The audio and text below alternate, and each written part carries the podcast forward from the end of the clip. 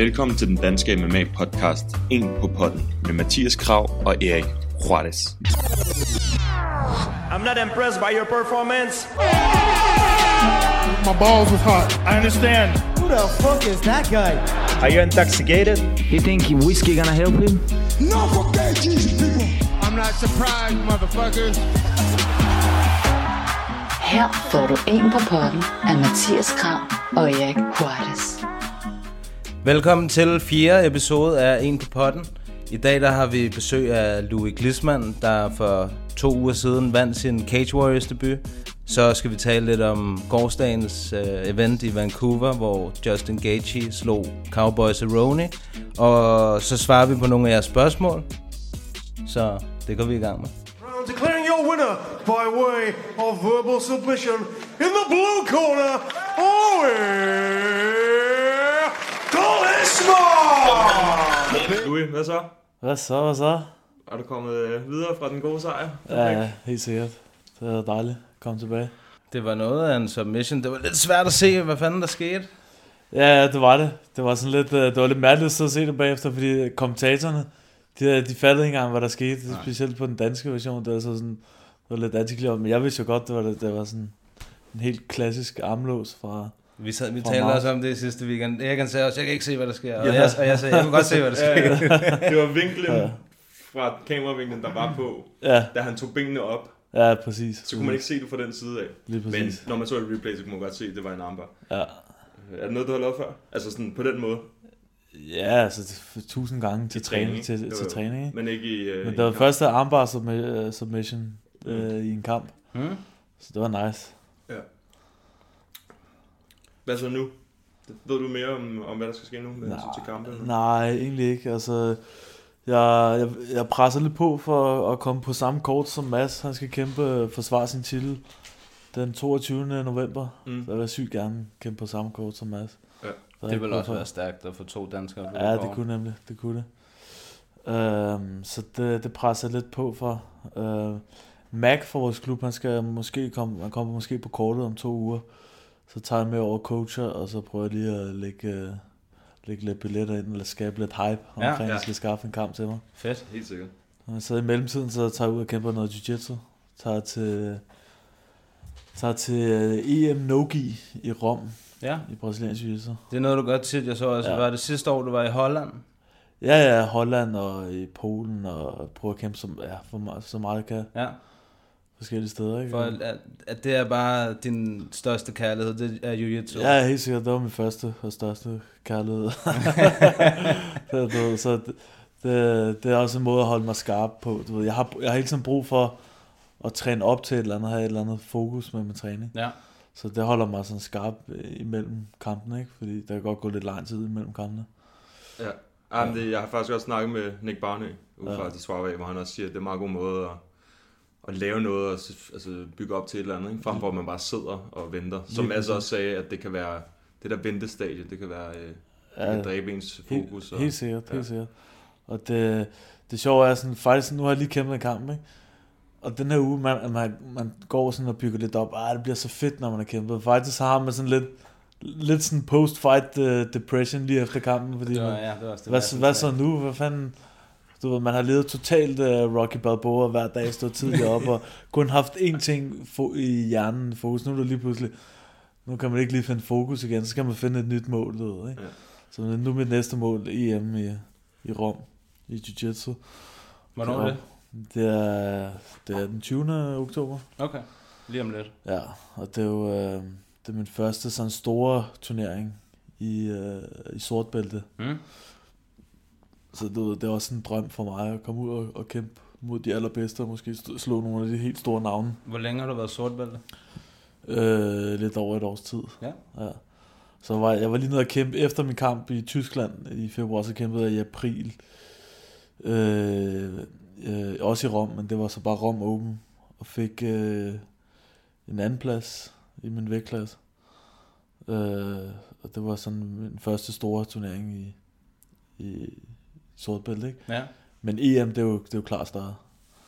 Det Men- glæder mig sindssygt til. Og, og, og Nogi, det er ligesom... Jeg, jeg performer bare bedre end i, i Nogi turneringer. Ja. Det, jeg elsker gien, men men mit, mine resultater er bare bedre end Nogi, så det, det kunne Ja, jeg det, er, det er vel også noget, du bedre kan bruge, i, altså, når du så kæmper MMA. Ja, ja, helt sikkert. Det er nok også, fordi jeg træner mere no-gi og wrestling de seneste par år, ikke? Mm. Når jeg har kæmpet meget med MMA. Mads han sagde, da han var på besøg, der sagde han, at du var i top 3-4 af de bedste, han nogensinde havde rullet med. Ah, Hvem, hvem er den bedste, du har rullet med?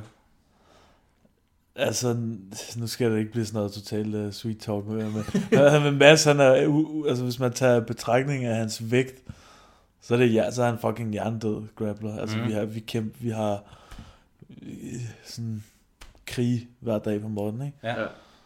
Ja. at Josh fra vores klub er også sådan helt hjertet god, men derudover så har jeg også trænet med, altså der, der var, der var i, i 2011 var jeg et halvt år i Brasilien, ikke? der Mm. trænede jeg med en masse store navne. Der træner jeg faktisk meget med Carter De Zapato, som kæmpede der. Shoeface. I, i, ja, Shoeface, der Ja. kæmpede der, han var for vild.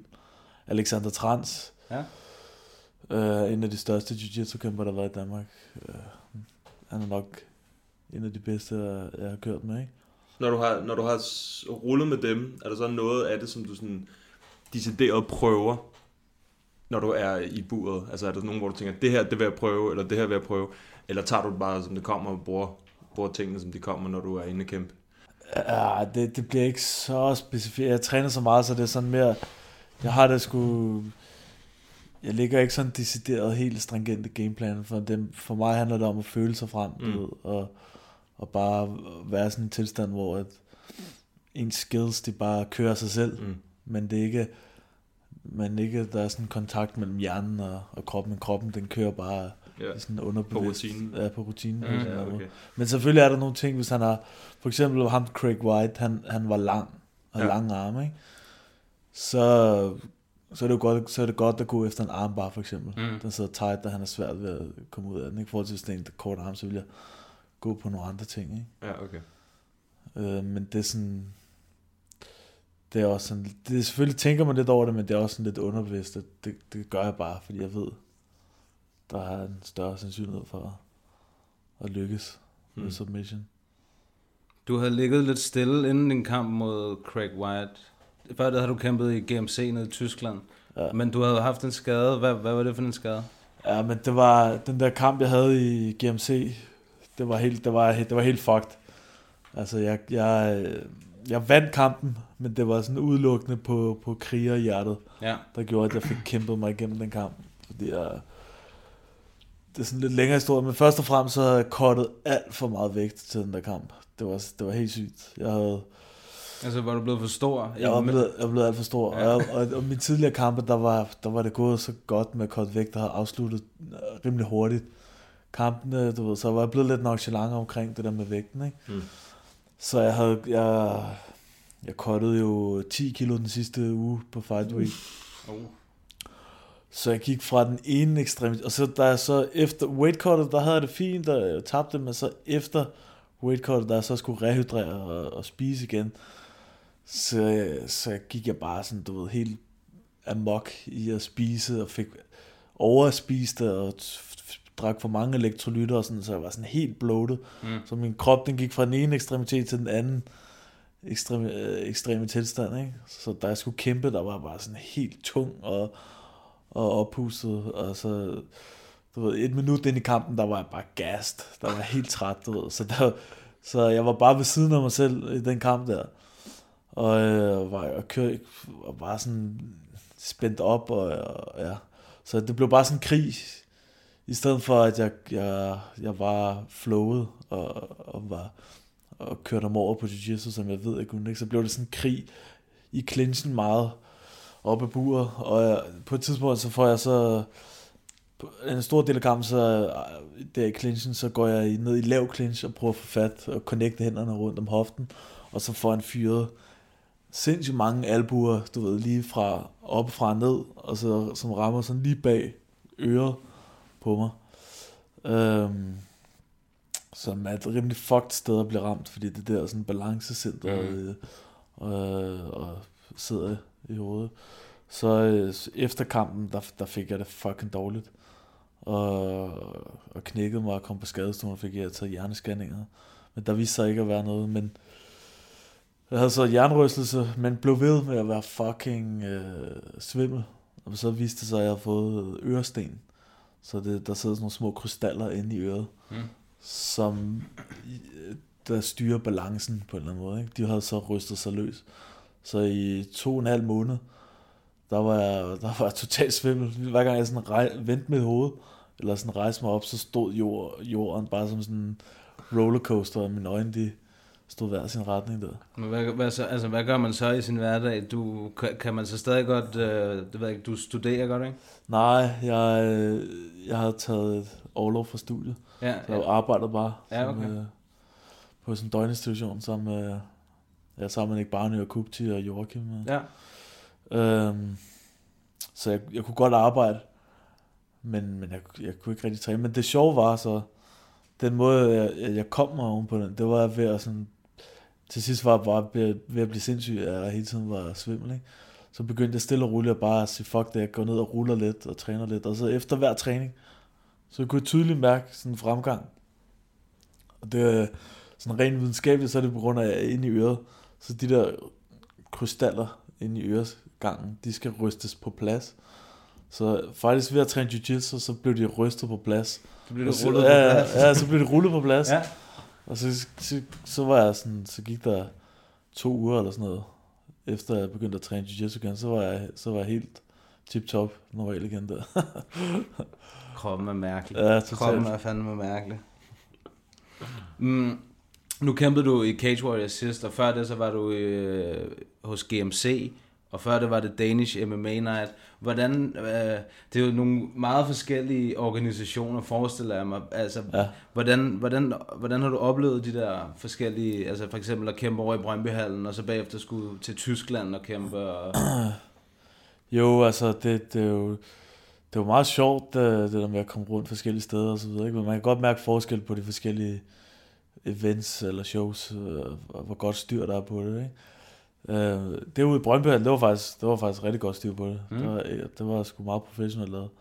Det var en af de fedeste aftener, eller sådan dage, jeg nogensinde har haft, fordi det var på hjemmebane i Danmark, og alle vennerne var der, og jeg, og jeg kæmpede, du ved, jeg fandt bare det rette frem, mentale tilstand, hvor jeg bare nød, nød det hele vejen igennem, og kampen gik perfekt ud. Det, det, var, det var virkelig fedt. Så der var jeg nede i Tyskland. Altså udover at jeg, jeg også selv lavede nogle fejl, men så var du ved, de der tyskere, de har skulle ristet, og det, det ja, men altså, du ved, der var ikke rigtig styr på det. Du ved, vi skulle selv finde et sted, hvor vi skulle cutte vægt. Og heldigvis havde vi selv bil med, og de behandlede os bare ikke særlig godt, du ved. Og så havde vi et uh, fucking uh, warm-up area, som var på størrelse med en, uh, en fængselscelle eller sådan noget. Og så var der uh, 10 polakker, der også skulle kæmpe, du ved. Det var, sådan, det var bare... Det er sådan nogle ting med, bag kulisserne, som man ikke ser, når man ser kampen. Ikke? Der, Ja, men det er vel stadig sådan noget, der er kan stresse en lidt. Totalt stressende, Ja, ja, ja. du ved. Så du ved, dem, dem, dem det er jeg sgu ikke, tror jeg sgu ikke, jeg gider kæmpe for igen, mand. Det, det betyder meget, hvordan man bliver behandlet op Ja, til fejl. selvfølgelig. Ja, selvfølgelig. Men uh, Cage Warriors, det var fucking fedt. De havde, de havde virkelig styr på det, ikke? Der kunne man godt mærke, det var sådan en større show, end de andre mindre shows, jeg har kæmpet for, ikke? Der var virkelig styr på det. Godt hotel med gym nede i bunden af, af hotellet, hvor der var octagon, så, ved, så man kunne gå og, og, og ligesom gøre sig klar op til kampen. Og ja, det var bare, de tog så godt af en, ikke? Det, det kunne man, Hvad, det kunne man godt mærke. hvad er målet? Er det øh, at gå fra Cage Warriors til UFC? Eller tænker du ikke så meget over... Jo, frem, eller? jo, selvfølgelig er det, er det det, men jeg fokuserer ikke så meget på det. Mm. Men selvfølgelig er det. Jeg ved, jeg kan tage bæltet, og, og jeg ved, jeg, jeg kan hænge med i UFC. Jeg ved, jeg har niveauet til det. Mm. Så selvfølgelig det er da det, jeg sigter efter. Men det er ikke fordi, at det er at stå op hver dag, og så tænker, bæltet, det er det, jeg skal have. Og så ved. jeg tager, jeg tager øh, en kamp ad gangen, du Mm. ved, og, og fokuserer bare på at, at gøre det, blive, blive bedre hver dag og nyde processen. Så du ved, jeg har været udsat for alle mulige mærkelige ting i den her sport, ikke? så man kan aldrig vide, hvad herover og skæbnen, hvor den fører dig hen. Men jeg ved da, jeg har potentialet til det, så nu går jeg for det. Ikke? Mm. Øh, og ja, men jeg vil da gerne have bæltet i, i Cage Wars, det jeg- det jeg på. Det kunne være, det kunne være fedt. Det kunne være flot. Endnu en dansk champ, det kunne Ja. ja. altså være Ja. ja. blæret. Men træner, altså, træner du fuld tid nu? Kan man det, når man øh, for eksempel er en del af Cage Warriors? Er man, træner man så fuld tid, eller er man nødt til også at have et arbejde? Ej, man, er, man bliver nødt til at have et arbejde ved Ja. ja. siden af. Det, er- det er sgu ikke så lukrativt. Som, Ikke nu?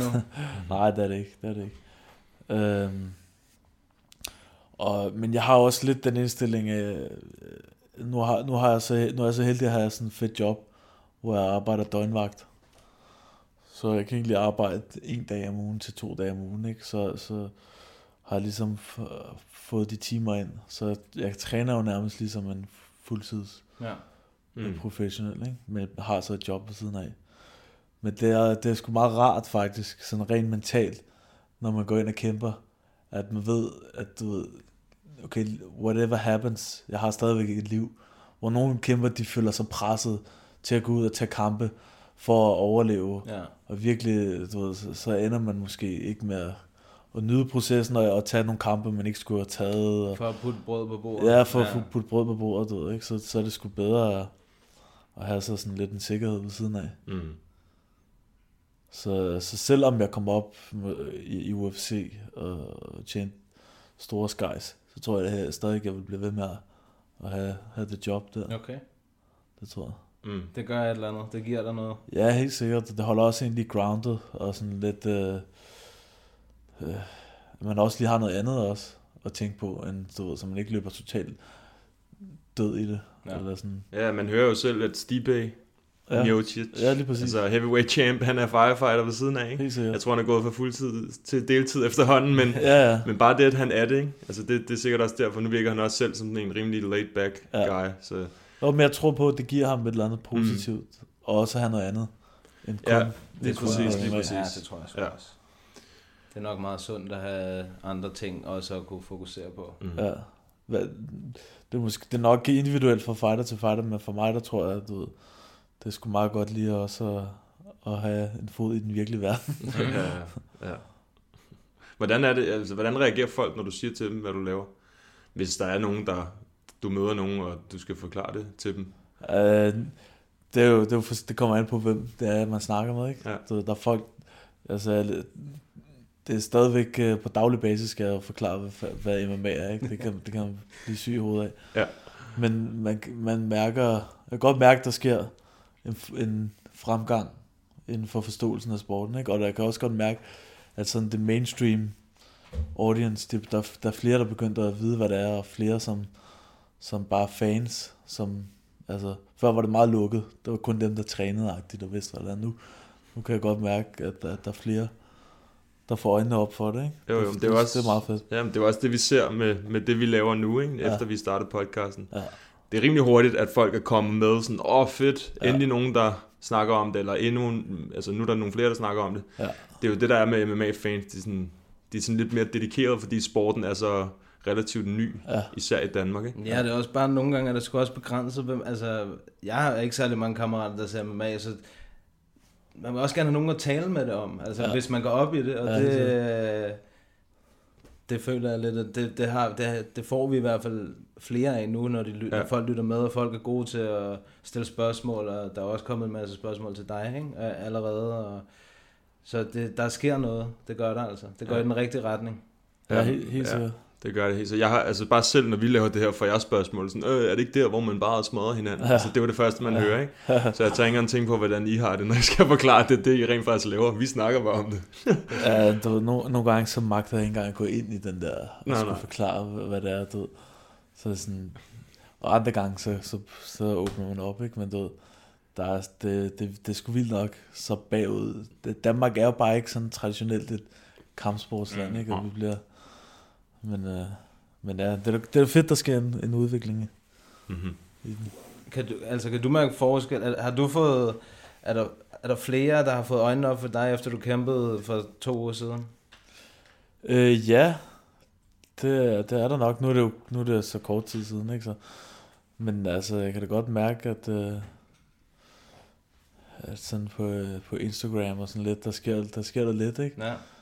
Øh, men altså, i mit daglige liv, jo, så er det, det er jo egentlig det samme, ikke? Det, er- Mm. det, Nej, nej, det er jo heller ikke, fordi man øh, ændrer sit liv ved at få nogle flere Instagram-følgere. Nej, nej, altså, præcis. det, det er jo Præcis. lidt lige meget, hvad Men man jeg kan godt mærke, at, at det blev vist på Viaplay, og det blev vist uh, på BT Sport og på UFC Fight Pass, og der, der er- det er lige pludselig kommet ud til rigtig mange mennesker, den kamp der, ikke? Ja, der var mange øjne på. Ja, det var meget fedt.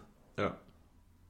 Når du siger, der sker noget på Instagram, altså er det så er det, er det hundkønnene, der skriver til dig All efter, those- efter, de der, efter, de, efter de der svedige dance moves, du lavede?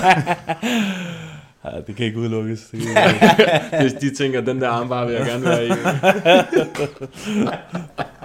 Ingen kommentar. det skulle være. Skal jeg ikke, nu skal jeg ikke ødelægge det for mig selv. det er det. He's in big trouble, though. Barry looking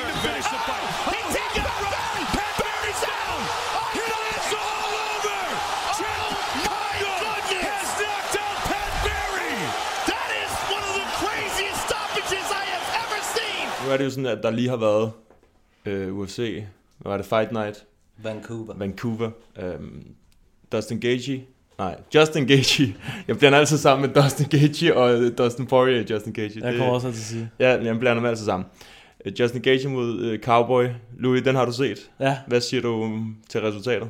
det var, altså, det var fint nok. øh, Du tænker på, om det var en early stoppage, eller hvad? Nej, nej, nej, jeg Nej, tænker nej. faktisk bare om, hvad du synes Nå, om, nej, det hvad du havde var tænkt. ja, forventeligt nok en af dem skulle falde, ikke? Jo. det, det var forventeligt nok, at det ville være en knockout, ikke? Det tog det Ja. badass uh, stand-up fighters, ved. Men hvis du først står og svinger over for hinanden, så havde jeg nok godt regnet med, at det var Cowboy, der ville falde, ikke? Mm. Der skal med meget til, før Gage, han uh, lægger sig. Han er jo han, Han er er en skør i skallen. Han er sindssyg. Ja. Ja. Han er, han er en vild mand. Men det, det, det er derfor, man elsker at se ham. Og han har også fået, altså nu har han kæmpet seks kampe i UFC, og han har fået syv bonusser. ja, det er sygt. Det er vildt nok. Han er sådan en, der får to er- bonusser på en kamp, ikke? Han lever virkelig op til sit uh, nickname, The Highlight. Ja, Hvad siger du, Mathias? han har allerede glemt, hvad han skulle bruge pengene på. Jamen, jeg, jeg havde regnet med, at Gage han ville vinde. Ja. Ja. jeg kunne ikke se, hvordan Cowboy han skulle stoppe det der. Nej, nej. Um, Ej, vi snakkede også om det sidst, Ja. hvor jeg sagde, at jeg, jeg siger cowboy, fordi du sagde Gage, ikke? Ja. Men altså, jeg, det, det, jeg havde, jeg, det var begrænset, hvad for nogle måder han kunne vinde på, synes jeg. Så skulle det være en eller anden vild decision eller sådan noget, og det er bare svært, når, når har Gage han presset, som man gør. Og, jeg synes faktisk, co-eventet var, var federe. Med Glover og Nikita Krylov. Den fik var, jeg faktisk ikke set. Nå, Nej. det var ellers, der var ellers er en masse god. uh, grappling, faktisk. Nå, Ja, fedt. det var frem og tilbage. Og hvem vandt? Glover. Og det var det, jeg sagde. Var det ikke det, jeg sagde? Det var det, jeg sagde. Var det det, du sagde? Jeg tror faktisk, det var det, vi begge to sagde. Ja, det kan godt Det er rigtigt. Ja. Øh, ja, men han, han viste endnu en gang, at han kan Han kraftedeme kan stadig, stadig, han Det er 40 er, år næsten. jamen, det er vildt. Det synes Skal jeg du også er kæmpe, når du er imponerende. 40 år? Ja, det håber du på. Det er da inspirerende. Altså helt seriøst, det er totalt inspirerende. Det giver, det giver sådan en som mig håb, fordi jeg startede rimelig, eller sådan relativt sen alder, ikke? Og hvor gammel er du nu? Jeg er 28, så du ved, det kunne da være, det kunne da være fedt, hvis kroppen stadig kan holde til det, ikke? Ja. Ja, 40, det er altså, der er lang tid til, ikke? Ja. det er altså mange år. Ja, det er det. Det er du sindssygt, mand.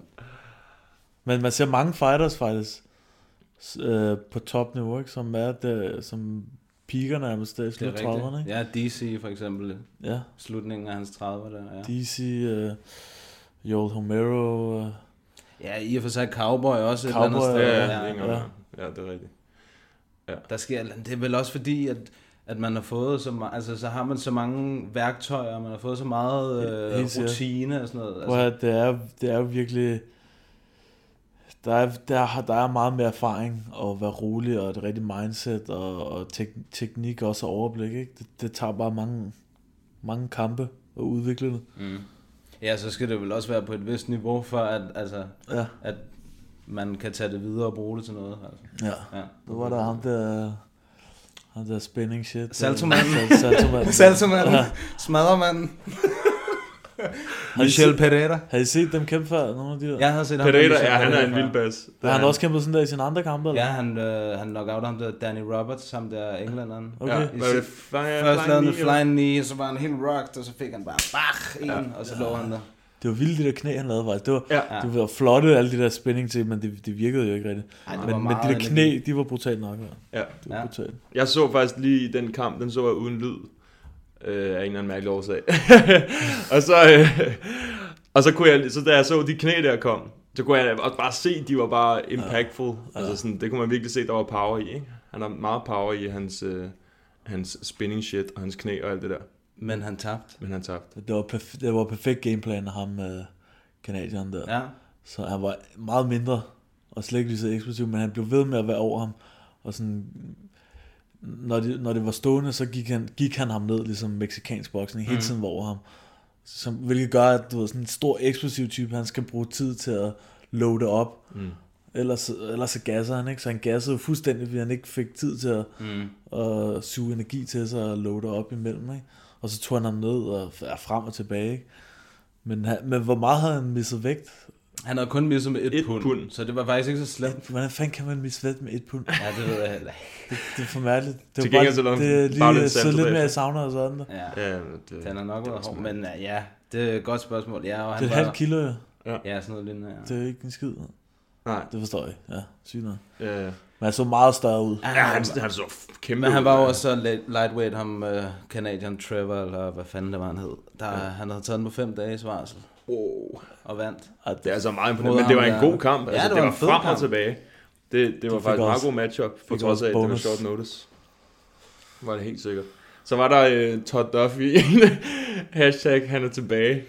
Altså han var, nummer, var han ikke den tredje kamp? Jo, han var på, han var på Var han på main card? Ja, eller på main card. Og så får han den mest uh, tørre return til ja, UFC. Så du det? Nej, det, den blev stoppet af et eyepoke. Ja. Nå ja, det er derfor, jeg, jeg kom til at se fucking resultatet Ja. af kampene inden, ikke? Ja, ej. Så ej, på, ej, fuck det, det gider jeg Ja. ikke se. Der er noget næsten, altså de stod lige og, de var faktisk godt i gang med at smadre hinanden. Er nogen af der har set det der, den kamp med Ryan Bader og Jack Congo den anden dag?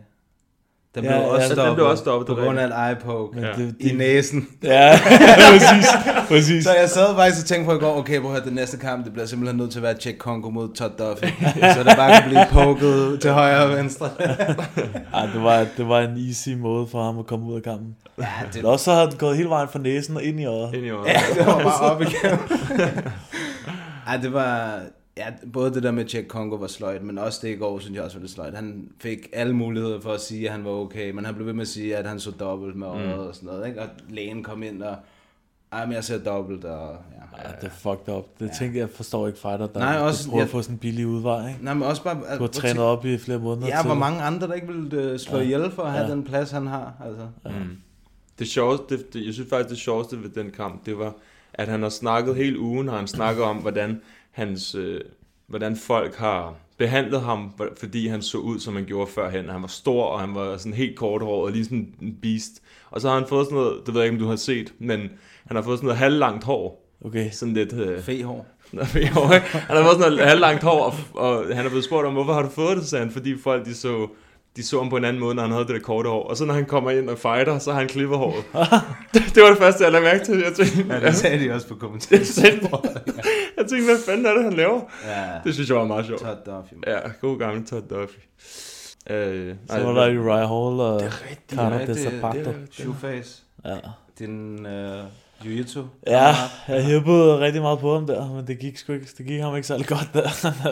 han, øh, han startede ud med at f- få en ordentlig ind på tuden Ja, der, så jeg præcis. tror han brækkede næsen, ikke? Det så sådan ud, ja. Ja. Øh, og så, så fik han bare, han, altså han outstrikede Uriah Hall, han ramte ham rigtig mange gange med et rigtig crispy jab. Ja. Mm. Du ved, hans boksning er ikke særlig godt. Men han fik taget ham ned en del gange, så det var faktisk en meget tæt kamp. Han fik øh, Ja. kontrolleret øh, brydningen og fik taget ham ned og taget ryggen, men var ikke rigtig farlig på nogle submission forsøg sådan der. Så det var en tæt kamp, men jeg synes helt sikkert, at Uriah Hall han vandt den Mm. kamp der.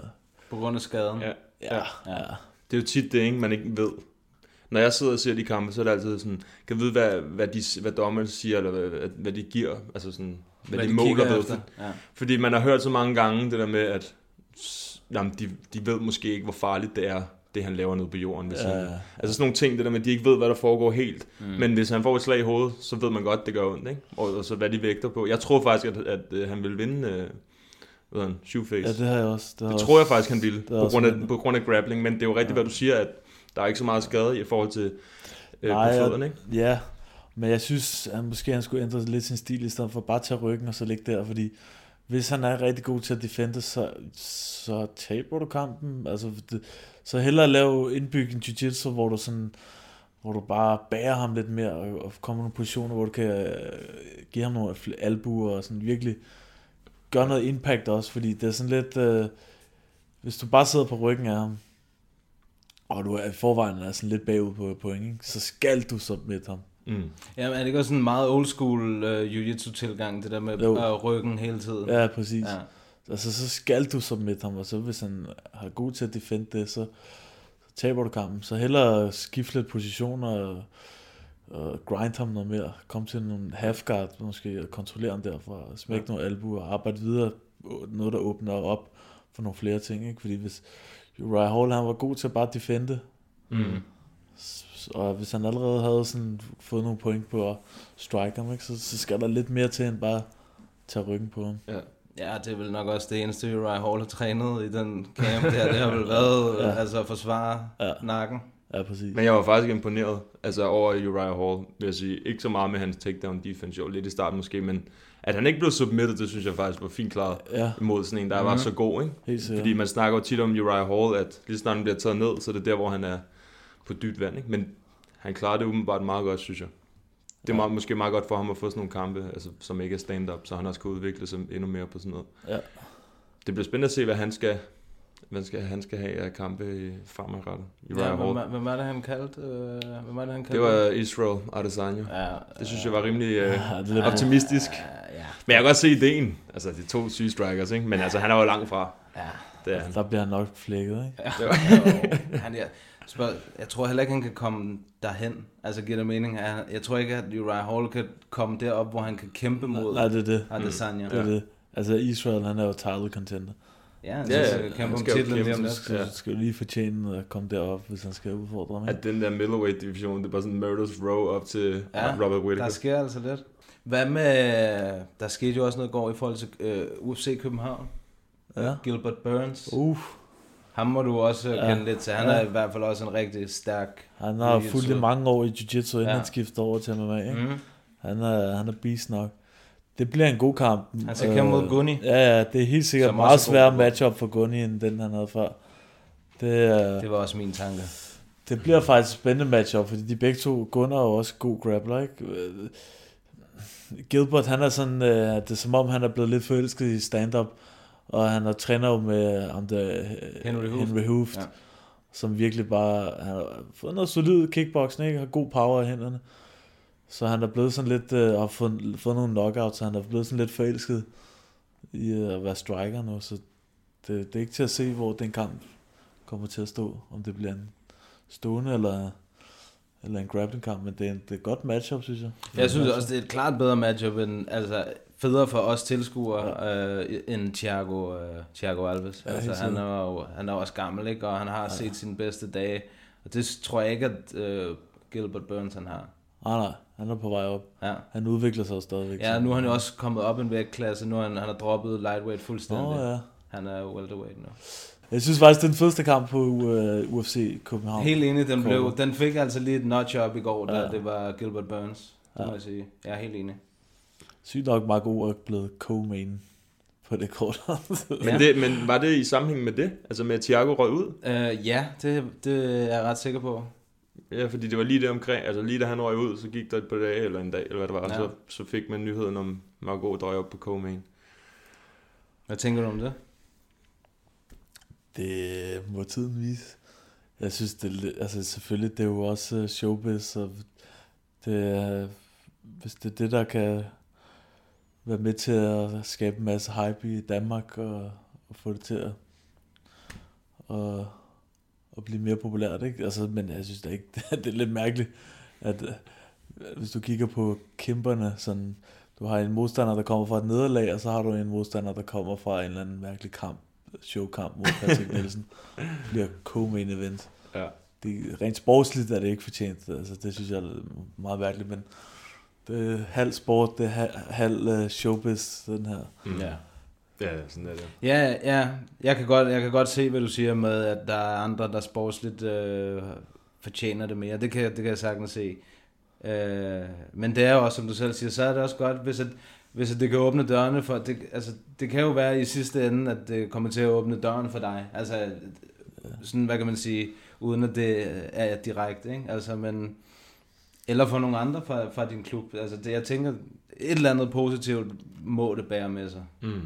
Ja, hvis han, hvis han gør det godt. Hvis, Det er, Ja, det, det det, er nu, ikke? Det, Det kræver det. Nu. det. Det kræver det. Ja, Det det, er er, nu, hvis at han- presset kommer, ikke? hvis han ikke gør det godt, så, så kan det også give dobbelt bagslag på en eller anden Det er måde. rigtigt, ikke? Ja, det er ikke fedt, hvis han går ud og bliver nakket.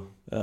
det ville være rimelig nedtur. Altså, jeg tænker, det, det bliver faktisk ret spændende at se, hvordan Marco præsterer, fordi han, jeg personligt så mener, at han, han, er ikke, han er overhovedet ikke blevet testet endnu mod nogle dygtige modstandere. Mm. Vi ved, at han er en, en benhård atlet, altså på sådan rent fysisk, ikke? der er han jo fucking beast. Men han er ikke rigtig blevet testet endnu, så det bliver, det bliver sgu spændende at se ham. Det gør nu det. skal han så kæmpe i minus 70. Ja, Det har jeg heller ikke prøvet før. Altså, jeg tænker, det er sådan lidt... Øh, jeg, vil, jeg vil ikke drømme om, at min første UFC-kamp, på da, og så på dansk grund, og så som co-main event, og så har haft en optakt, hvor at man ikke har kæmpet i minus 70 før, og ens sidste kamp var en, en nej, mærkelig fake. Det var ikke engang en MMA-kamp. Så det, jeg vil, altså, jeg synes, det er lidt, det er sådan, jeg vil ikke have gået ind til den kamp med de, med det som optakt til kampen. Mm. Men altså det, men det, det skulle, jeg håber sgu da, at han vinder, han gør det godt. Det vil være fedt for dansk MMA. Mm. Helt klart. Ja. Ja, det, er, det, er, det er et stort cut, er det ikke det? Altså, det er 77 kilo vejer du ind til Ja. normalt, ikke? Jo. Og, og lightweight er sådan noget 72,3 kilo, eller sådan noget. Kan det ikke passe? Nej, det er 70. Er det helt dernede? Ja, Shit, mand. det er Det er 70 meget. kilo. Ja. Shit. Og han, han har kæmpet 74 i brydning, Ja, okay. Men han har jo ikke kæmpet 70. Så, men jeg vil så også sige, at han skulle være i 70 kilo. Han var for lille til væltervægt. Ja, han er ikke så høj. Han er ikke så høj. Nej. Og han har meget muskelmasse, ikke? Så altså, du ved, det, det er også en af de lektier, jeg gjorde fra, fra min forrige kamp. Det er, at man skal, altså, du ved, man skal finde sin idealvægt. Og jeg tror faktisk, at hans idealvægt er måske lightweight. Mm. Uh, altså, det, det er faktisk ikke så godt at have for meget muskelmasse. Mm. Nej, det kunne, jeg, det kunne jeg godt Det er det virkelig ikke. Altså, det er det måske op i, og måske op i heavyweight, eller sådan, men, men i, i de lavere vægtklasser, det, der er det sgu bedre at være let, have god cardio, og måske have længere reach, og sådan nogle ting. Men jeg tænker, Men, men, altså også... det, men, det, men jeg vil så godt nok lige have kæmpet et par kampe i lightweight, inden Mm.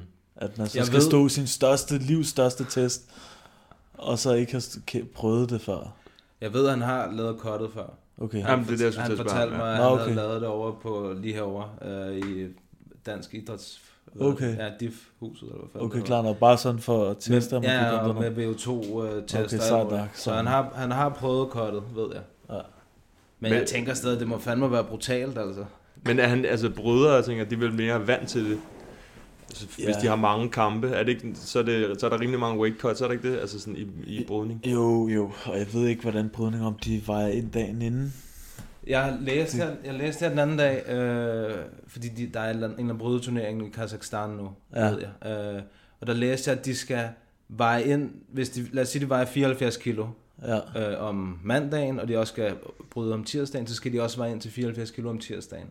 Så de, skal- de skal ja. veje ind hver dag. ja. Det er jo faktisk også sådan, det burde være i MMA. Men ja, men det er Altså- voldsomt, er du sindssyg, mand. Mm. Og, og det er jo, de er jo begyndt også at indføre noget af det i, i One FC, ikke? fordi de havde det der dødsfald, altså de prøver virkelig at, at gøre, ændre lidt på, at, at folk ikke øh, cutter så meget vægt. Mm. Altså mere i De tvinger dem op en naturlige- vægtklasse i one, ved jeg. Ja, og så Mm. mm. tester de om også løbende Mm, hydreringstest. hydrering, ja. og sådan, så de ikke svinger for meget. Ja. Fordi det er... Men er det nu har ikke jeg så også, selv haft gjort det, men det er bare... Det er åndssvagt, mand. Jeg skulle gå rundt og cutte så meget vægt, mand. Men vil du ikke også hellere gøre det på one fasong? Altså Jo. også for din egen krop og for Jo. din egen hjerne? Og, 100 altså, procent. ja. 100 procent. Ja. Det, er, og det, det er bare fucking usundt. Også det er sådan nogle ting, man ikke lige måske mærker her, nu og her. Men ens organer og sådan noget, de kommer bare under, øh, under meget pres. Ja. Så hvis nu man skal gøre det, hvis folk de gør det måske i, i, i karriere på 15 år, ikke? hver gang, det er fucking usundt på lang sigt. Jeg hørte øh, i går med Cowboy for eksempel, han er jo den, der har flest kampe og flest sejre og Ja. sådan noget. Han har aldrig misset vægt. Ja. Aldrig. Det er vildt, mand. Og det, hvad har han sådan noget, 33 kampe eller sådan noget i UFC og WEC eller sådan noget. Det er jo, altså, det er fandme mange vægtcut, han har været igennem. Ja. Og han har ramt dem alle sammen. Der må have været, have været nogle af dem, der også var brutale til. Ja, ham. ja, ja. Ja, og han er gået op og ned også, ikke? Jo. Det er det, der er vildt. Ja, men jeg forstår, altså nu, det er ikke for at spille hård og så videre, men jeg forstår seriøst ikke folk, der ikke klarer vægt. Du ved, det er bare, det er seriøst bare noget om, en, at du ikke har gjort dit uh, arbejde grundigt nok, Mm. eller, eller bakker ud af sådan rent psykisk. Mm. Ja, det er vel også en del af aftalen. Ja, Altså, ja, ja. Jamen er det ikke? Altså, Jo, jo. Og selvom jeg kottede for meget vægt sidste gang, så gjorde jeg det stadigvæk. Ja. Altså, det er bare, det, det, det skal man bare. Altså, det, det, Jamen, det siger vel også et eller andet om ens format. Altså, gør det Ja. ikke det? Om, altså, hvis om Jo. du gør det, eller du ikke gør det. Jo, jo, helt ja. sikkert. Det, det, er sjovt, det, det er langt ud, og det, man ser nærmest også nogen, der spekulerer i at ikke at klare vægt. Altså, det tror jeg er vigtigt. Ligesom ham, Mads, modstanderen der Michel Proceres, Mm, ja, ja. som bare som ikke klarede vægt fire gange streg eller sådan noget. Der. Fordi han så havde den upper hand. Ja. Og så Ja, var skulle han give, hvor meget, og hvor meget af sin purse er det, man giver? Det kommer an på, hvor meget det er, men 30 procent. 30 procent, ikke?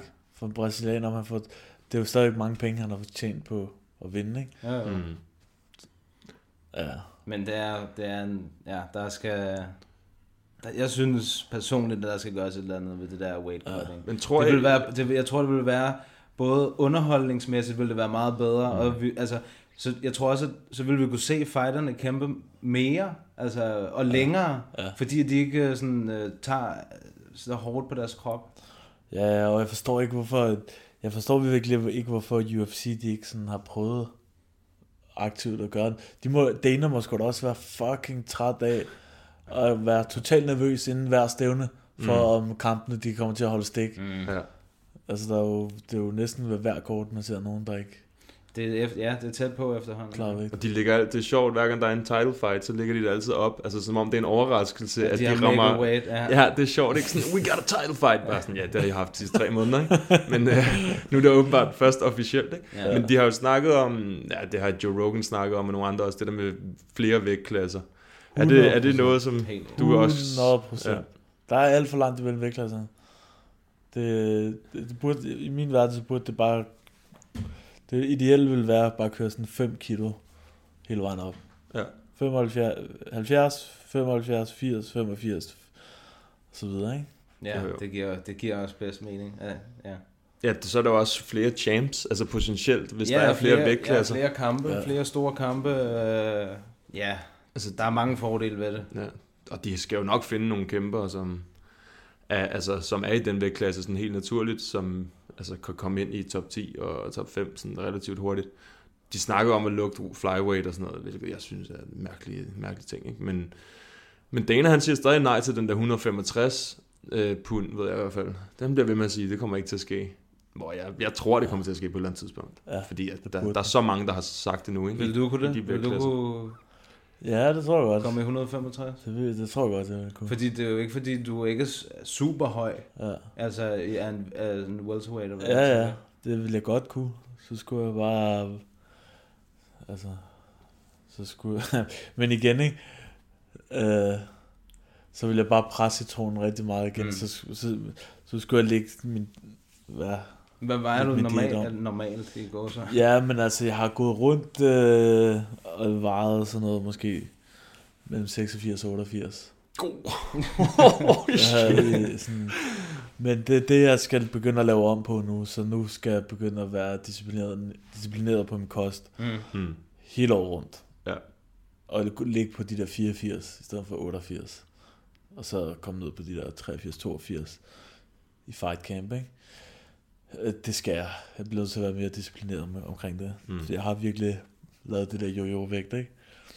Det, er det er totalt dumt. Altså. Er det fordi, du har en eller anden sød tand, eller hvad? Ja, øh, ja, så jeg elsker mad.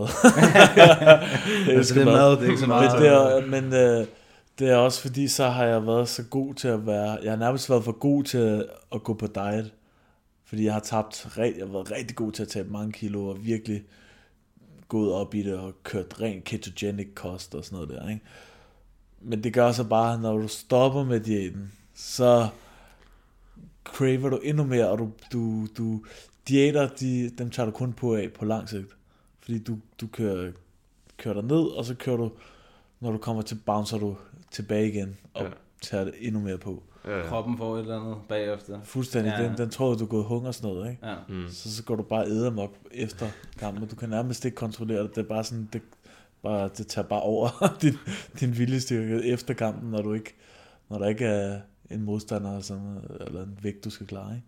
Så jeg skal, man skal, det er bedre at bare køre sådan en sund livsstil hele året rundt, og ikke køre de der store udseende. Mm. Hvad med is? Jeg så, at du solgte is i løbet af sommeren. ja. Hvad var det for noget? Ja, ja. Det, var, det var faktisk øh, altså i forbindelse med, at øh, den der sidste kamp der, i Tyskland, Ja, ja. der havde jeg lige pludselig, så kunne jeg ikke træne jo. Jeg gik to-tre måneder, hvor jeg ikke kunne træne, og jeg, du jeg, jeg levet de sidste mange år med hele tiden at have en ny kamp eller et nyt projekt og sådan der. Så jeg vidste, for ikke at, at skulle falde ned i en eller anden depression eller sådan noget, så skal jeg bare finde en eller anden ny, et nyt mål. Et nyt øh, noget at kaste sig over, ikke? Og så, øh, så startede vi sådan isbæks, øh, mig og to af mine venner, med, med sådan noget, noget, noget god Bornholmsk is, og så Mm. ud på streeten og sælge det. Der var, kø- kørte sgu egentlig meget godt der. Iskold is. Uh, shout out. det synes jeg. Skål. Er det, kommer det til at køre igen næste Ja, sommer? ja, helt sikkert, helt Ja. ja. sikkert. Men jeg måtte så lige trække mig ud af det igen, og jeg fik den der Cage Warriors kamp der, og der, der, havde, der skulle jeg ikke have for meget omkring ørerne. Mm. Eller for meget is, tænker jeg. Og for meget is også, der er for meget fristelser. så, så det har jeg lige lagt standby igen, ikke? Men næste, næste sommer der, iskold is, kommer til at være på gader og stræder der. Nice. Hvorhen er det? Er det inde i København? Ja, ja, det Ja. kommer... Det, vi arbejder lidt på at få nogle faste steder. Før det, så var vi bare lidt over det hele der. Sådan. Det kan I se inde på Instagram. Oh yeah. Iskold is. Så er det blevet tid til en på potten spørgerunde, præsenteret i samarbejde med Bambuni, bæredygtigt bambusundertøj. Gå ind på vores Facebook eller på vores Instagram, stil det bedste spørgsmål, og hvis det er dig, der stiller det bedste spørgsmål, så sender vi dig et sæt bambusundertøj fra bambuni.dk. Gå ind på deres hjemmeside, bambuni.dk, brug koden MMA Media og få 10% rabat. Vi har fået en masse spørgsmål til dig, Louis. Øhm, her er der et fra Instagram, en der hedder Nikolaj Busk, der spørger, hvem har været din største inspiration inden for MMA? Uh, altså sådan... Fighting wise, der er jo sindssygt mange. Der, der finder jeg jo bare inspiration fra alt, fra alt og alle, jeg kan suge fra, ikke? Men, øh, men sådan rent øh, personlighedsmæssigt og, og, og sådan øh, som, som menneske og som fighter, der, der er det nok, øh, nok Joachim Christensen. Han er sådan, øh, han har fra dag et, jeg startede i Arte Suave, ligesom været, været en øh, sådan rollemodel for mig, ikke? og fortalt øh, lige, da jeg startede, hvis du skal blive god, så skal du træne jiu-jitsu, det gør jeg så. Og bare, har også følt ham som en inspiration, fordi han startede sent, i en sen alder, og nåede helt til tops, øh, og kæmpe i UFC i en alder af 38 år, og er bare, du ved, fra sådan en mand, der går forrest omkring udviklingen af sporten, ikke? Han, Mm. mm. han, øh, han udvikler sig hele tiden, bliver ved med at opsøge boksetræner og freestyle wrestling træner og, og har altid godt humør på måtten. Så han er, han er nok sådan en, øh, været en inspiration for mig. Men Når du siger opsøg, er det så er, altså er det til ham selv, at han træner sammen med nogen, eller er det nogen, han får ind i klubben hos jer? er både for ind i klubben og ja, og har også været ud. Altså har inden hvor vi fik en rigtig stærk MMA-klub, øh, da Nikolaj Kupti kom Mm. øh, til Arte Suave, der, der, der kæmpede han jo også på højeste niveau, men, men vi havde ikke det stærke fundament, så cross-trainer han alle mulige forskellige steder, Mm. thai-boksning i Siam og boksning i Herlev, øh, judoklubber og så videre, ikke? Så han sådan altid opsøgt de bedste Mm. øh, atleter rundt omkring. Men nu, nu prøver vi ligesom at, at samle prøve at samle det hele i, nede i, i Art Suave, ikke? Øh, så man ikke skal rende rundt alt for mange steder og, og prøve og også kunne give det til de andre i klubben, ikke? Mm. Så har vi en inden fra Facebook. Det er fra Martin Samuelsen. Han siger, det var en super fed kamp og lovende debut. Glæder mig til at se mere. Når hans BJJ er så godt, som det er, føler han så, at han er lige så godt med stående, eller er det noget, der skal arbejdes ekstra hårdt med, når han nu markant har hårdere konkurrence i Cage Warriors? Og så gør han, glæder mig til at se fremtidige kampe. Held og lykke fremover. PS, var der også stegt flæsk, sejren skulle fejres med, eller er det kun Mads Pinel? Ja, ah. øh, tak for, tak for de rosende ord. Uh, den med stikflæs, det er sgu nok mere Nick Barnø og øh, den må de stå for der. Uh, men uh, omkring det stående der, det er jo meget, det er et meget relevant spørgsmål. Altså, jeg, det sjove er, at jeg, jeg føler faktisk, altså mit stående blev rigtig godt nede i klubben, ikke? Men sådan rent strategisk, så giver det bare bedre mening for mig at, at få det ned på gulvet. Mm. Og fordi der, der ved jeg, at jeg har et overtag på, på de fleste kæmper, ikke? Øh, og det, det er med baggrund, at det er det, jeg gerne vil øh, stay true to my roots. Øh, og så har jeg også efter, for, altså, jeg tænker også på, at jeg gerne vil have en lang karriere, så jeg, jeg vil faktisk, jeg elsker stand-up, jeg elsker fight, fighten, men, men jeg bliver nødt til også at være klog. Mm. Det er en brutal sport, øh, får man for mange på madkassen, så kan det have fatale konsekvenser, så jeg vil egentlig helst have det ned på gulvet, ikke? Men jeg træner rigtig meget striking, og har, føler, at jeg har fået et rigtig godt niveau. Øh, så, så det må, det må være sådan en kanin, jeg kan trylle frem af, af hatten på et eller andet tidspunkt. Når, hvis, der, hvis jeg møder en, en, en god grappler, eller øh, ja, en eller anden mærkelig årsag, skal få brug for det. Men, men jeg vil helst have den ned på gulvet, ikke? Mm. Mm. Men altså, ja, når der kommer op på et vist niveau, så bliver det ikke, så bliver det nok svært at kun kunne gå ind og køre jiu-jitsu. Så skal jeg mixe det op. Øh, men så længe jeg, jeg kan slippe afsted med at Mm. køre mig over med jiu-jitsu, så vil, jeg, så vil jeg gøre det. Men det åbner vel også op for, at du kan strike noget mere, fordi du ikke er bange for at blive lagt ned. Ja, helt tænker jeg. sikkert, helt sikkert. Jeg kan nok have sådan lidt mere fri øh, øh, mindset, fordi jeg ikke, altså med spark for eksempel, ikke? Ja. Jeg er ikke bange for at lade dem bare gribe fat i det og prøve, prøve at få dem ned eller sådan, ikke? Mm. Men jeg vil da helst slippe for at få på madkassen, hvis jeg kan. Klart. Fordi man bliver nødt til at tage en for at give en, når det er Ja, ja. stående, ikke? Det er det. Ja, på det niveau der, ja, det tænker jeg. Så er der en, der hedder Sune Svane, der har spurgt på Instagram, hvad tjener man på at vinde en kamp i Cage Warriors? Mange millioner kroner. jeg overvejer faktisk at retire nu. Det er- oh, For beat money. thanks for the cheese. Ej, for at være ærlig, det, det, er sgu, det er sgu ikke for pengene, jeg gør det. Man får da en, en, en kompensation, men det sgu ikke, øh, det sgu ikke store skejs.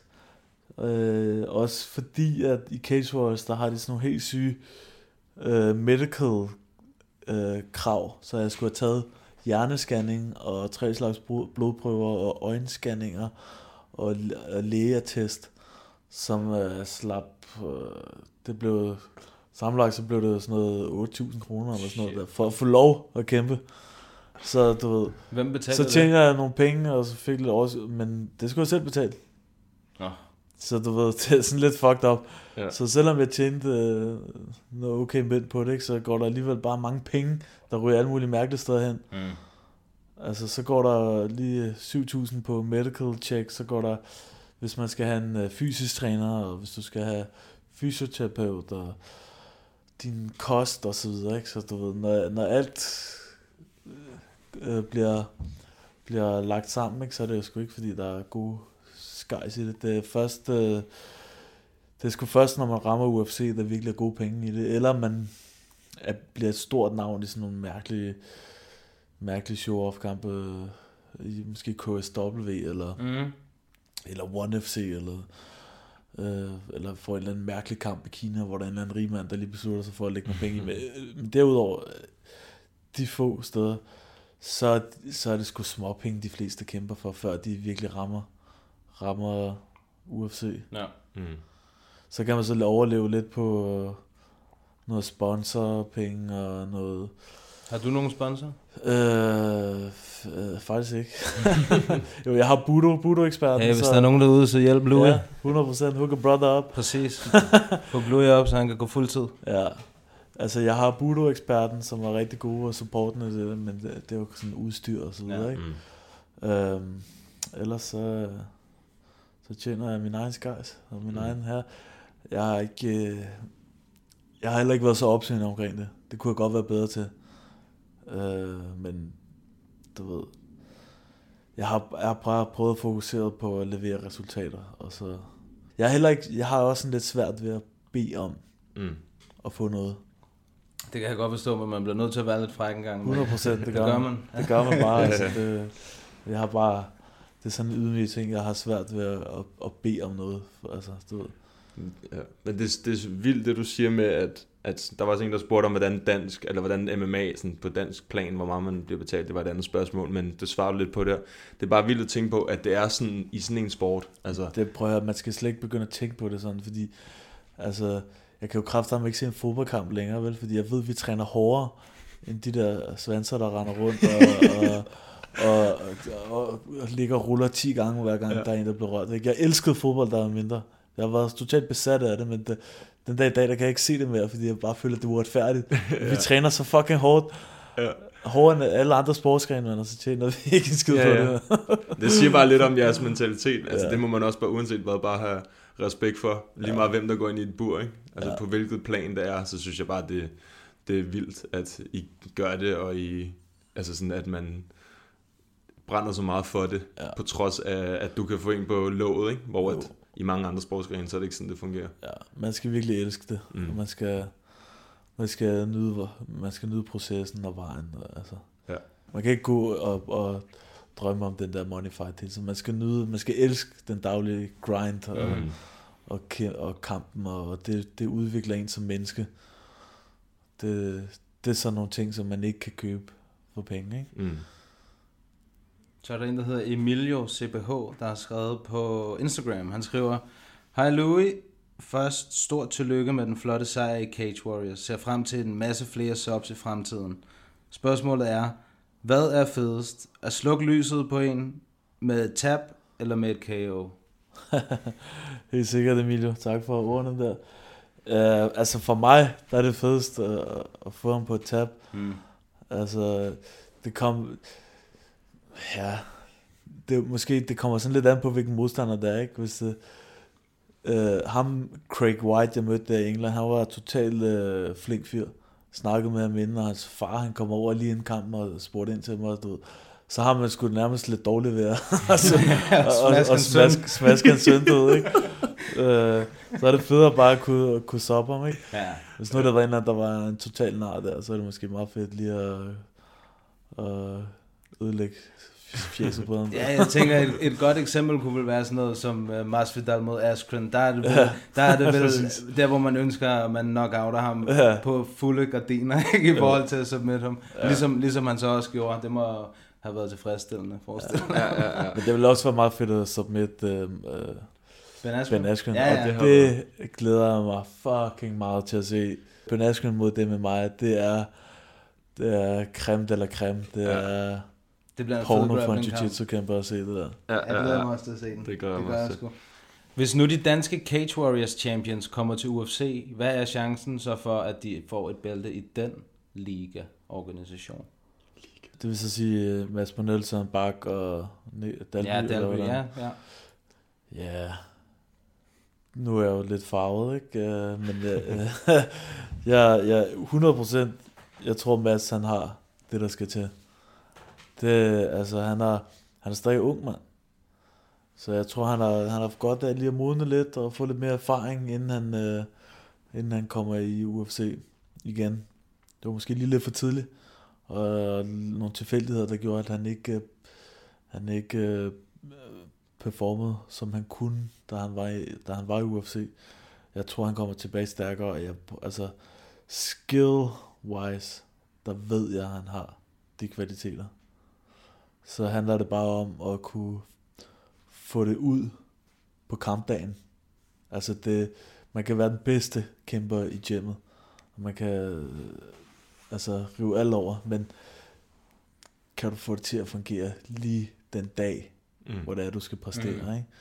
Og holde dig skadesfri, og, og sådan nogle ting, sådan nogle, nogle andre faktorer, ikke? som man, man ikke altid kan forudse. Men uden pis, der, der, der tror jeg, Mads han vil godt kunne gå hele vejen. De andre, de er dygtige kæmper, men jeg tror sgu ikke, de kan gå hele vejen. Det er også nogle... Det, Det er sgu også nogle hårde divisioner. det er det. Det er det altså. Altså, Det er det sgu. Også, det, også featherweight, hvor Mads kæmper, er også en hård division. Den er, der er altså også... Øh, der er sgu også nogle... Øh, der er liv i den division de her mm. dage, synes jeg. ja, der er ikke nogen nemme kampe i UFC overhovedet generelt. Mm. Altså, nej. og ikke nogen divisions. Måske flyweight og bantamweight kan det godt være lidt, øh, og måske heavyweight kan der også være lidt større udsving i niveauet. Mm. Det er der ikke i, i de andre vægtklasser. Der er alt hver kamp. Ja. Mm. Fucking Ja, der kamp. er et kæmpe felt, der er sindssygt mange gode. Ja. Især det der fra 55 op til 85, ikke? Altså 155 pund op til 85, der er virkelig mange. Ja. Ja. Især i toppen, dem i toppen er spidse. Altså Ja. ja. det er det bedste af det bedste. Ja, og det er Ja. også der, der er flest mennesker, altså sådan statistisk set, Ja, der går ja. på de vægtkilo, ikke? Ja, ja det, er det. og de har været stærkt i mange år, mm. de divisioner, ikke? Det er... Jo, men det er vel også bare den gennemsnitlige sådan, kropsbygning. Altså, vi vejer jo sådan noget, det ved jeg ikke, 75 kilo eller et eller andet. Altså. Ja. Louis, Louis var jo åbenbart 88. jeg, jeg prøver ikke at gøre det. Øh, apropos øh, vægtklasse, der er proppet, så var der et spørgsmål fra Claus Frederiksen. Hvem er mest overset i UFC? Øh, Det ved jeg ikke, for han har overset det. Uh, hvem kan du så bedst lide at se? Øhm, ah, det sgu et godt spørgsmål. Det, den skal man nok lige look into. Look into. Måske, øh, Du tænker lidt over det. ja, det ved jeg sgu ikke helt. Øh. Det er svært Øhm. at sige, fordi hvis du tager hele feltet, Ja. måske hvis man sagde, hvem er det mest overset i top 10 eller et eller andet. Ja. Det, det, det, Hvem så med din vægtklasse? det, jeg ved det faktisk ikke. For hvad er det? Mig? ja, det er sådan, det skal være.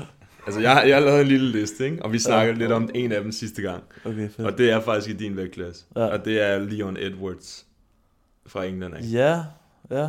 Han, han, jeg synes, han er en af dem, der er de aller... Han er på topniveau. Han har vundet, jeg ved ikke, hvor mange streg. Og man snakker slet ikke om ham. Det er nok, det er nok. øhm, Det er fordi, han kæmper røvkedelig. præcis. altså, jeg synes, han, jeg synes faktisk, han er fin nok. Men det er jo Ja. bare, fordi jeg er sådan ubenørd, ikke? Men, Ja. der, men, men ja, Men han laver ikke store knockouts og store submissions. Præcis. Så Nej, det han formår bare at nedbryde modstanderen Ja. og for ikke få deres game til at fungere på Ja. sådan en eller anden måde. Ikke? det han gjorde sidst mod RDA, eller Rafael Dos Sanchez, Ja. ja. altså, det, han kunne ikke gøre noget ham. Det var Ja. helt vildt at se, hvordan han bare Ja. neutraliserede alt, hvad han lavede. det er det. Og det kræver, at man er sådan lidt nørdet omkring sporten, for at man kan se det flotte Ja. ja. i at ødelægge den anden stil, ikke? og mm. neutralisere den. Ja. Men fra det, fra det øh, mainstream audience, så er det kedeligt. Præcis. Det er der mange, der synes, ja.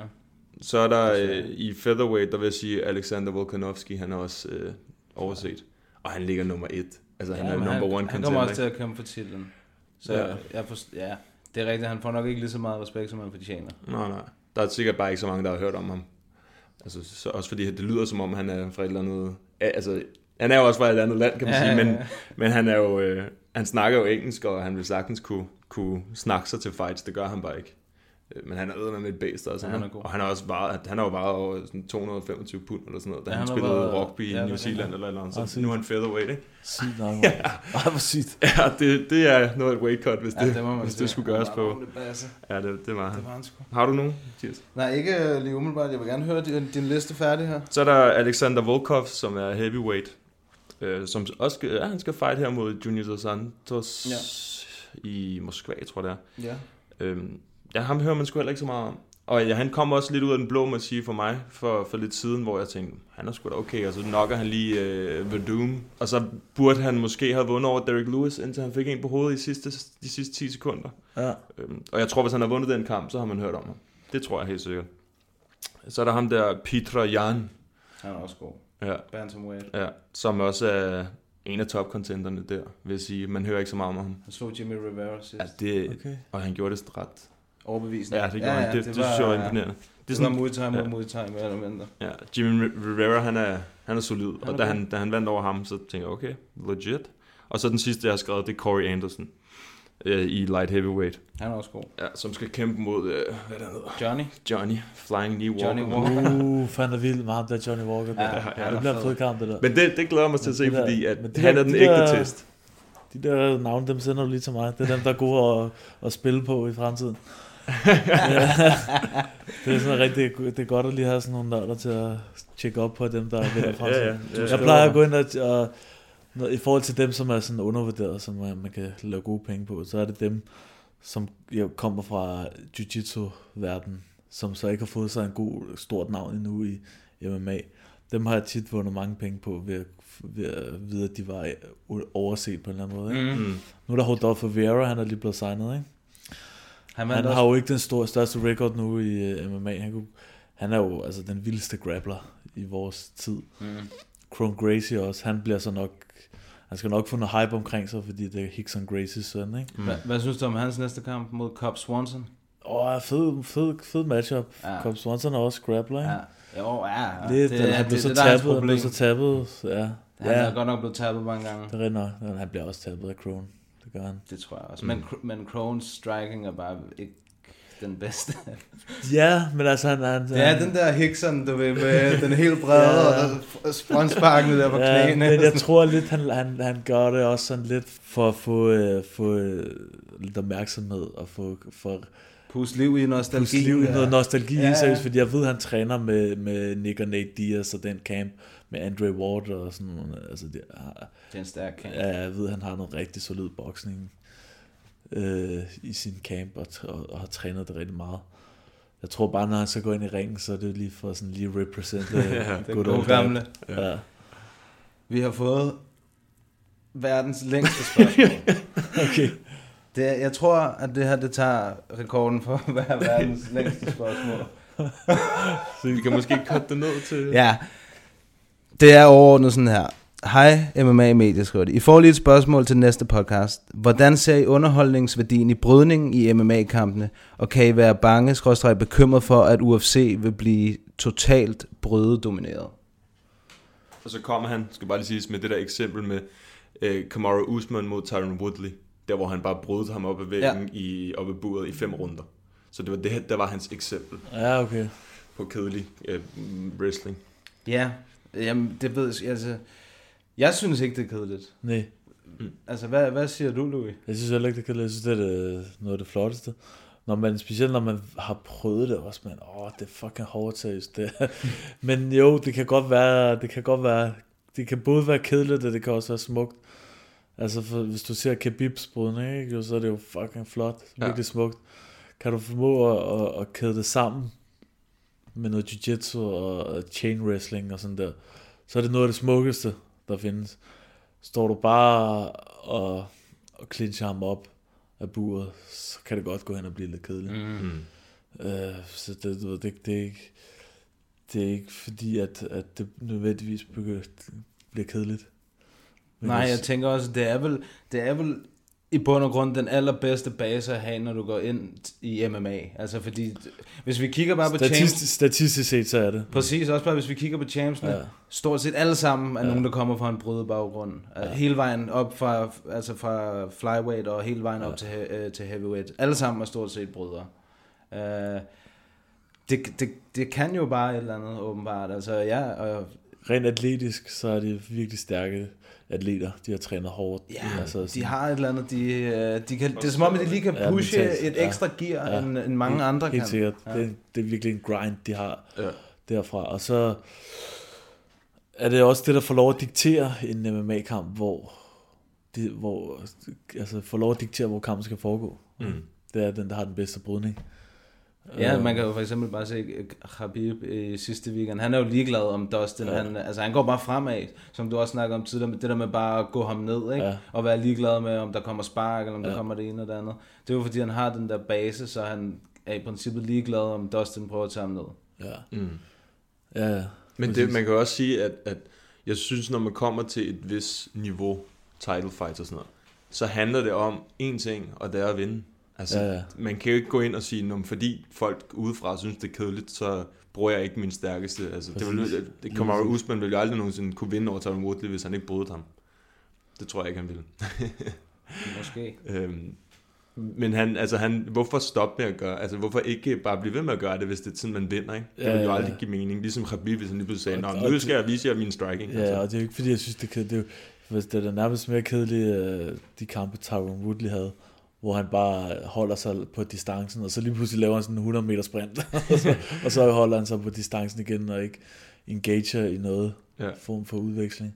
Ja, der sker lidt mindre, Ja, ja. i hvert fald. Altså det, ja, ja, det gør det. Ja, det er jo heller ikke, fordi man gider at gå hjem og se Tyron Woodley mod Kamaru, Kamaru Usman på replaysen. Altså det er jo ikke en kamp, man går tilbage og ser på nærlig, hvis man ikke kan huske, hvad der skete. Det Men ikke, fuck, det var en syg performance. Jeg fatter Det ikke, han kunne, Fordi det der, at, at kunne gøre det der Ja. ja. i fem runder, ja. det Ja, er helt På et ben. sindssygt. Han havde brækket foden. Havde han det? Ja. Ej, det er grovt, Han man. gjorde det på et ben. Sindssyg fysik, han har. ja, ja, han er et monster, det er han. Men, men ja, det der med, hvis også det, du siger, når man har prøvet det. Altså ja. nu har jeg wrestlet for sjov, men ikke bare nø. Ja. altså for sjov i tre minutter, og så er jeg fuldstændig Det smadret. sig ikke? en for Men han er meget. også stor. Men, Er han for stor? Er det det, du siger, Mathias? men der skal nok være, sporten udvikler sig så meget, og der skal nok også være en opskrift. Hvis det er det, folk begynder at gøre, mm. hvis nu vi, vi sagde, at det var det, folk begyndte at gøre, og clinche hinanden op rigtig meget, og, og vinde på det, så skal der nok finde nogen, der finder en opskrift på, hvordan slår man det. Præcis. Ja, ja, det Sådan er det, er det, der er fedt ved sporten, det bliver ved med at udvikle sig. Mm. Så er det det, der er populært i noget tid, så, når, så forstår folk at counter det, eller et eller andet, og så bliver det en anden ting, der ligesom er det, der, der bliver dominerende.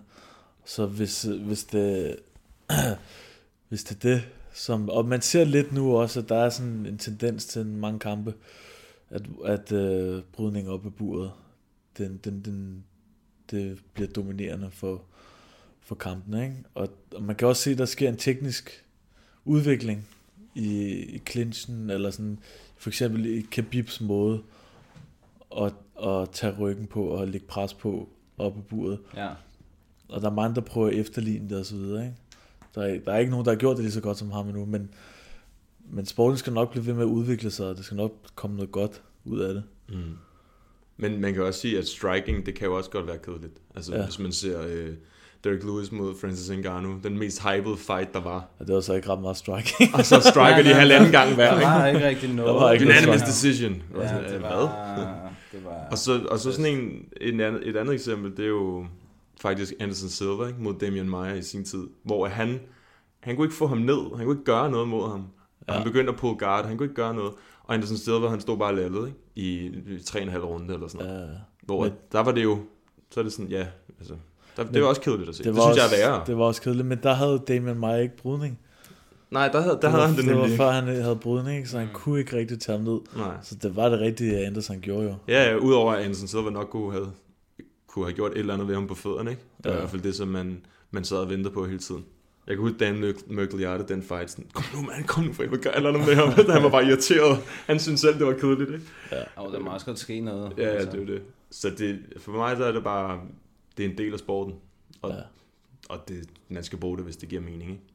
Der, jeg synes, det er fedt at se en fed scramble, altså hvor folk de bare giver den fuld gas og prøver at forbedre deres position. Altså mm. det, er, det er da fedt at se en fed scramble. Det var jo i går godt eksempel, Glover mod øh, Ja. ja. Krylov. Ja. Ja. Der var jo Ja. ja. blanding af wrestling og jiu-jitsu, og de rullede rundt ja. hele tiden. Og det er jo, men, det- altså, det er jo hårdt. Altså, det er jo sådan fy, sindssygt fysisk hårdt at rulle rundt sådan der ja, hele tiden. Ja, helt vildt. Og de gjorde det i tre runder i streg. Ikke? Det synes jeg altså er imponerende. Det er, flot, det er flot at se, når folk de virkelig bliver gode til at sætte det sammen. En af, det, er lidt, det er sådan lidt øh, mærkeligt, fordi min hadeskæmper uden for buret er nok min favoritkæmper inde i buret lige nu, det er Kobe Covington. han er Han, god. altså, han, han har også fantastisk wrestling, men mixer det op med noget god boksning. Mm. Og han, han er for vild lige for tiden, synes jeg. Mm. Men fuck, han er nar uden for bordet. det kan jeg slet ikke holde ud på. Ja, ja, der... Han kan godt skrue lidt ned for det, i hvert fald. Ja. ja. Har vi flere? Bliver den kamp egentlig til noget mellem ham og Jorge Masvidal? Nej, han har fået Dias nu. Han har fået Dias rigtigt, og det bliver også fed, Sindssyg fed, kamp. fed kamp. Sindssyg kamp. Ja. Nej, jeg tror... Øh... Jeg tror, det var det for spørgsmålet, så kan vi jo lade, lade Louis vælge, hvilket spørgsmål, der var det bedste. Og så den, som den du vælger, han eller hun, får sendt et, uh, et sæt af det bambuni Ah, tøj det der, er- som du også har fået. Yes. Der var det her, det lange spørgsmål om, øh, om vi blev bekymret for brydning og underholdningsværdien. Så blev du spurgt, øh, hvis de danske Cage Warriors champs kom i Ja. øh, UFC, om de kunne vinde et bælte. Så blev du spurgt om, hvad du øh, fik for at vinde en kamp. Så bliver der også spurgt om, hvem der var den mest oversete i UFC. Åh oh, ja. Ej, jeg synes, vi skal give den til ham med det lange spørgsmål. Ham med det lange spørgsmål? Bare for... Øh, Stefan Kaiser, der har han har skrevet- taget sig tid til at skrive sådan en lang Han har skrevet en der. Rigtig lang mail. Respekt. så Stefan, vi tager fat i dig, og så sender vi noget tøj din vej. Til dine sweaty balls. Yeah, man. Nick Diaz, the winner. I back. Trust me, I back. Inden vi runder helt af, så skal vi lige have snakket lidt om næste weekends main event, som er Jair Rodriguez mod Jeremy Stevens. Ja. Mathias, hvad siger du?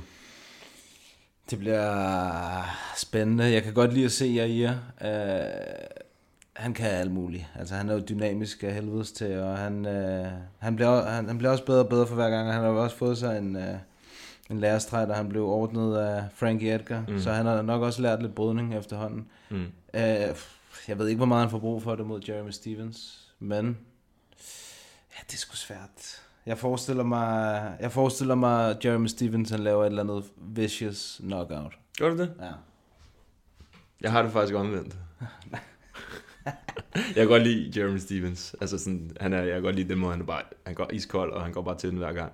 Men jeg, jeg har på fornemmelsen, at han, han bliver lidt øh, overwhelmed med nogle spark og sådan lidt. En ting, man skal tage i betragtning, når, når de kæmper i Mexico City, ikke? det er, at de kæmper jo, altså op i bjerghøjde. Ja. Så og man har set det før, når folk udefra, de kommer og skal kæmpe i Mexico City, så Sea gasser level de. cane. Sea level cane. Lige præcis, ikke? Lige præcis. Ja. Så gasser de for sygt. Så hvis ham Jair, eller Jair Rodriguez, han er vant til at kæmpe i Mexico City, ikke? så kan det godt være, han... Øh, Jeg ved, han har været hjemme og træne i Mexico. Ja. Ja. Så han har nok, han har nok Altså, adaptet. Ja, præcis. Det Ja. betyder sgu meget, det der med, at de adapter til ja, ja. ilt Og vi så ham altså lave en af de sygeste knockouts efter fem hårde runder mod Korean Zombie. et sekund tilbage, baglæns den der upward albu. elbow. ah, Det, er, det for var sindssygt. sindssygt. Ja, For det jer, der det, ikke har det set den, gå ind og find den et eller andet sted. Det Ja. er sådan en, man viser folk, der ikke kender den her sport, hvor man bare sådan, prøv at se det her, det er fuldstændig hjernet. Og så sådan buzzer beater. Ja, et sekund. Ja, et sekund tilbage. Han lander med Korean Zombie, bare sådan ned i gulvet, og så... Og så, så går tid, så går tid i femte runde, ikke? Eller Jo, sådan jo, jo, præcis. Fuck, Ja. det var Og det var en var krig, den der kamp der. Og jeg tror faktisk, han havde tabt på point, hvis det var Det den tror jeg her også, han havde. Det, var, det er også lidt det, der bekymrer mig i forhold til den her kamp, fordi uh, Jeremy Stevens, han er altså også en maskine, han går også uh, bare fremad. Mm. Hvem, hvem, uh, hvem tror du vinder, Louis? Jamen, jeg tror, Jair han vinder, fordi det er på hjemmebane. Okay, så det er jeg to med mig den her gang. Og husk øh, til jer, der lytter med, at vi laver et opslag, hvor I kan skrive jeres predictions til den her main event fight, som vi smider op sådan lige inden øh, weekenden. Så ja, vi kan se, hvad I siger til den. Because if I hurt him, I wasn't taking his neck. What were you gonna take? His soul. Tak fordi du ville komme på besøg, Louis. Det Så var, lidt. det var fedt lige at blive lidt klogere på dig, og folket derude kan blive lidt klogere på dig. Um, det var egentlig det for den her gang, så uh, tak for den her gang. Vi ses derude. Peace.